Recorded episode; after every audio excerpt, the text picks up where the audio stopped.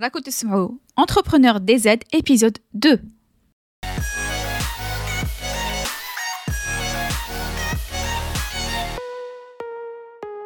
مرحبا في البودكاست Entrepreneur DZ le podcast اللي تصيبوا فيه l'inspiration business معكم ليندا وفي هذا البودكاست حنبارطاجي معكم واش تعلمت في لو موند دو بيزنس اون لين حنهضروا على دي استراتيجي دي ميثود افيكاس اي دو مايند سيت باش تلحقوا لي زوبجيكتيف ديالكم Et ce qui me tenait à cœur, c'est que ندير هاد البودكاست بالدرجة باسكو راني حابة يكون اوسي سو جور دو كونتوني بالدزيرية تاعنا باش ان ماكسيموم تاع الناس يديكوفريو ويفهموا هاد لي سوجي وهاد لي استراتيجي وباش نرجع هاد لي انفورماسيون encore plus accessible ليكم Alors, il a les sujets vous intéressent, vous êtes au bon endroit.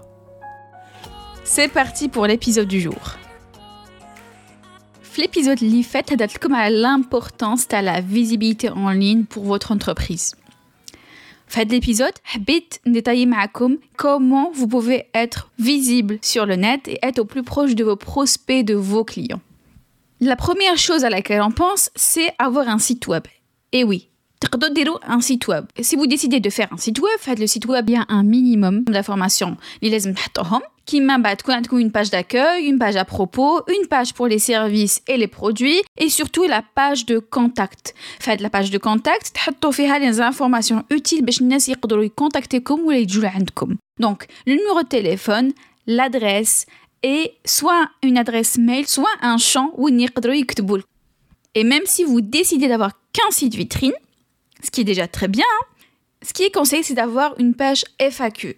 C'est quoi la FAQ C'est les questions fréquemment posées. Ou la fac, certains la fac. Quand vous remarquez qu'il y a des personnes qui vous posent toujours les mêmes questions, mettez donc les questions le site d'Ielcom et répondez à ces questions. Dès que les gens, quand ils vont venir sur votre site web, qui se posent certaines questions, ils vont trouver directement les réponses blâme et contacter au com les gens ils vont avoir directement les réponses ou parce que les gens ils vont pas vous contacter toujours pour poser les mêmes questions. Donc quand on parle d'un site web, ça peut être un site vitrine ou ça peut être aussi un site d'e-commerce. Le e-commerce c'est que tu des produits physiques. Dans ce cas, il faut que tu les produits tacom, soit des produits soit vous créez votre propre marque ou votre propre produit. Qui connaît comme un site e-commerce? il faut faire en sorte que le site web تاعكم يكون شباب attractif et sans friction sans friction معناتها la personne qui dit le site web ديالكم il faut que tout soit fluide il faut que l'utilisation تاع le site web تاعكم تكون سهله la personne اللي تكون في le site web تاعكم ما لازمش يكونوا دي شوز يقلقوها كي تكليكي في حاجه ما تمشيش كي يجي يخلص ça marche pas هادو هما les frictions en fait la friction c'est le fait que la navigation sur le site web تاعكم elle n'est pas fluide le site web comme e-commerce حيكونوا des fiches produits les fiches produits comme يكونوا de qualité ou pareil les photos de vos produits يكونوا vraiment de qualité ça influe beaucoup le choix de la personne est-ce que تقعد في site web تاعكم est-ce que تشري معندكم ولا لا لا كي يكون عندكم un site e-commerce pareil لازم تزيدوا certaines informations typiquement لازم تهضروا على les modes de livraison كيفاش الكليون تاعكم il va se le faire livrer dans quel délai le fait que le site تاعكم يكون شباب وما يكونش فيه la friction ça ne vous permet pas d'être visible. Ça, je tenais à parler à l'aide le point. Parce que imaginez Ness et découvrir et finalement, en fait, il y a des sites où il faut que c'est compliqué de naviguer dessus. Vous perdez de les clients, peut-être même pour toujours. le point. Et concernant le e-commerce, il ne suffit pas d'avoir un site web pour vendre, ça ne suffit pas. Le plus difficile, c'est de se faire connaître. Et pour arriver à vendre, il y a toute une stratégie derrière. Et qui m'a dit comme tout s'apprend. Évidemment, ou comme souvent, ça dépend le pays qu'on fait. Selon les pays, il y a plus ou moins de concurrence et donc BO plus ou moins facilement. Fli site web, c'est botanique les blogs. Le blog c'est beau site vitrine ou les site e-commerce. Le blog à quoi il sert? Il sert à donner de l'information. Et au-delà de ça, le site a le référencement naturel. Pour le blog, vous allez rédiger des articles de blog. Des articles régulièrement, à vos devoirs. Mais en tout cas, il faut que ce soit régulier. Ou les articles de blog, ça vous permet de travailler sur des mots-clés, des expressions clés. Les gens tapent في Google باش نتوما تخرجوا مع الاولين في les pages de Google. Et donc, pour rédiger des articles de blog, لازم تكونوا assez bon في la rédaction en général et en plus il faut تكونوا مفورمين في SEO un minimum ou là كنتحسوا روحكم pas capable de faire ce travail il y a des agences qui s'occupent de هاد الخدمه Souvent, il connaît des agences de communication, il y a des informaticiens ou il y a des personnes tout simplement formées SEO qui حيخدموا هاد الخدمه وين rédigent des articles de blog selon une stratégie SEO. Ah oui, on نقول SEO, SEO en anglais. Ça part de référencement naturel. Le référencement, l'indexation, les moteurs de recherche qui met Google. Passons à une autre stratégie, la stratégie des réseaux sociaux. L'entreprise Telcom, il est vraiment recommandé qu'on les réseaux sociaux. ما قلتلكمش كونوا في les réseaux sociaux mais déjà là حطيتوا روحكم un réseau social où vous concentrez dessus et vous postez régulièrement du contenu fait et vous interagissez avec les abonnés Telcom c'est très bien tout ce qu'on demande c'est que vous soyez présent sur les réseaux sociaux Facebook, Instagram, TikTok, LinkedIn واش تحبوا mais خيروا un réseau social خيروا le réseau social اللي تحبوه نتوما mais surtout le réseau social est qu'on fait la cible d'Yelcom. Quand je dis la cible d'Yelcom, c'est par rapport à ce que c'est des femmes, des hommes, des professionnels, des particuliers, la tranche d'âge, tout ça, ça joue le choix de le réseau social est pour votre entreprise. Qui comme il ne suffit pas d'ouvrir des pages sur les réseaux sociaux comme qui ne un réseau social, je parle bien du fait d'être présent et d'être régulier avec le réseau social. Et ça fait toute la différence.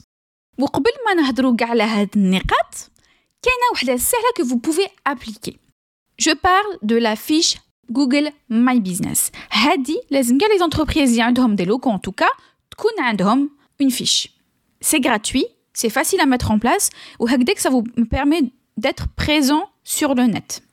بصح بالكو parce que faites la fiche Google My Business الناس يقدروا ينوتيوكم وحينوتيوكم donc vous avez tout intérêt de خدمه شابه باش ينوتيكم bien et les utilisateurs qui maintenant probablement qui maintenant on se fie beaucoup les avis sur le net il a une entreprise notée 1 sur 5 2 sur 5 je vais me méfier au manarchleha c'est certain il a une entreprise notée 3 sur 5 ça va pas me plaire peut-être peut-être manarchleha ça dépend واش كاين autour la concurrence تكون autour faites la fiche حتحطوا le numéro de téléphone l'adresse le moyen de vous contacter et les horaires ديالكم parce que oui كاين بزاف الناس قبل ما يديبلاسيو يشوفوا les horaires تاع l'endroit اللي حيروحوا ليه l'entreprise اللي حيروحوا ليها لا بوتيك اللي حيروحوا ليها وانا وحده من هاد الناس دي فوا باغ اكزومبل ان ويكاند وما على باليش اسكو هذيك لونتربريز حتحل est-ce que dit la boutique حتحل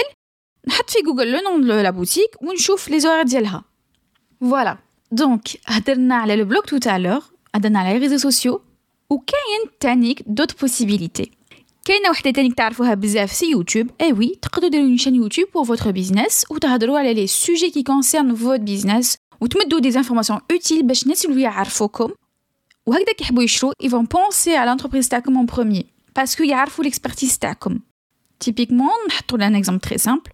Si vous êtes pâtissier, vous direz des vidéos YouTube pour de la pâtisserie, ils vont voir la qualité de votre travail.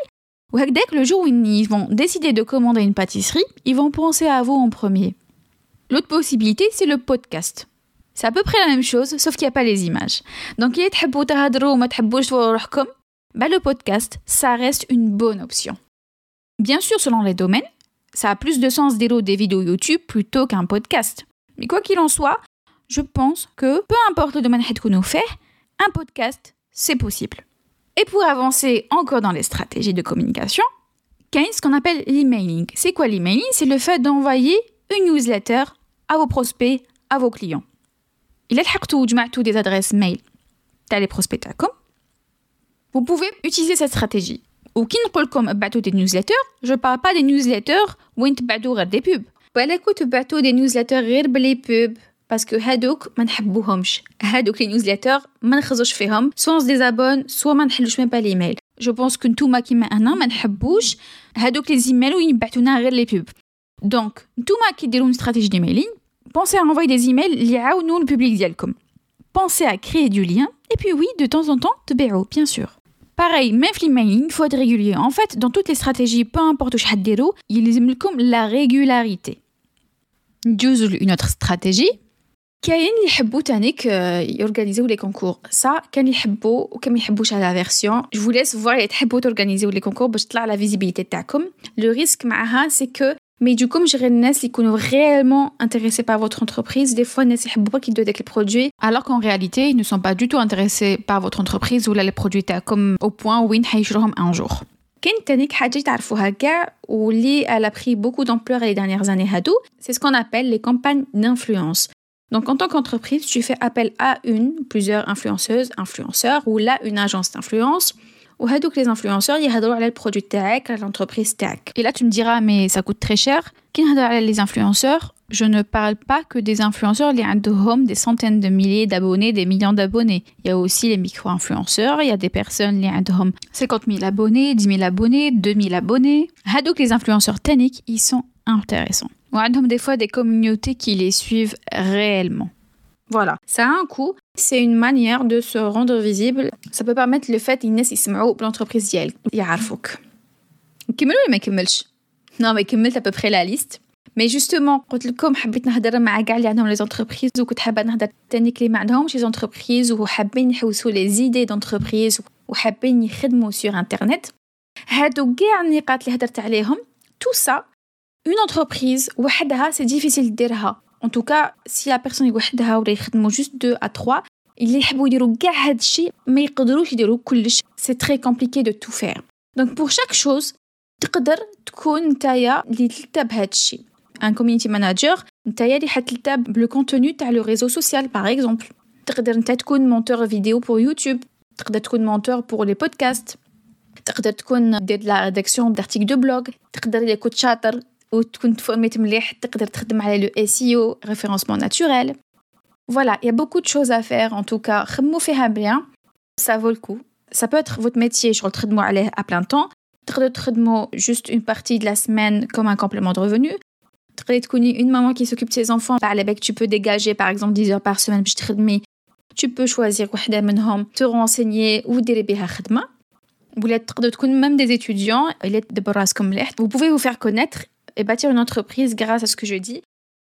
Voilà, il y a plein de possibilités, franchement. Ou je comme c'est que tout en tant que personne, par exemple, il y a de monteur vidéo. Déjà, en tant que monteur de vidéo, ils aiment dire une stratégie une stratégie marketing, une stratégie de contenu, donc il faut pas croire que ça va être juste simple, que les gens juste Après, bien sûr qu'il y a le bouche à oreille, il y a d'autres techniques, etc.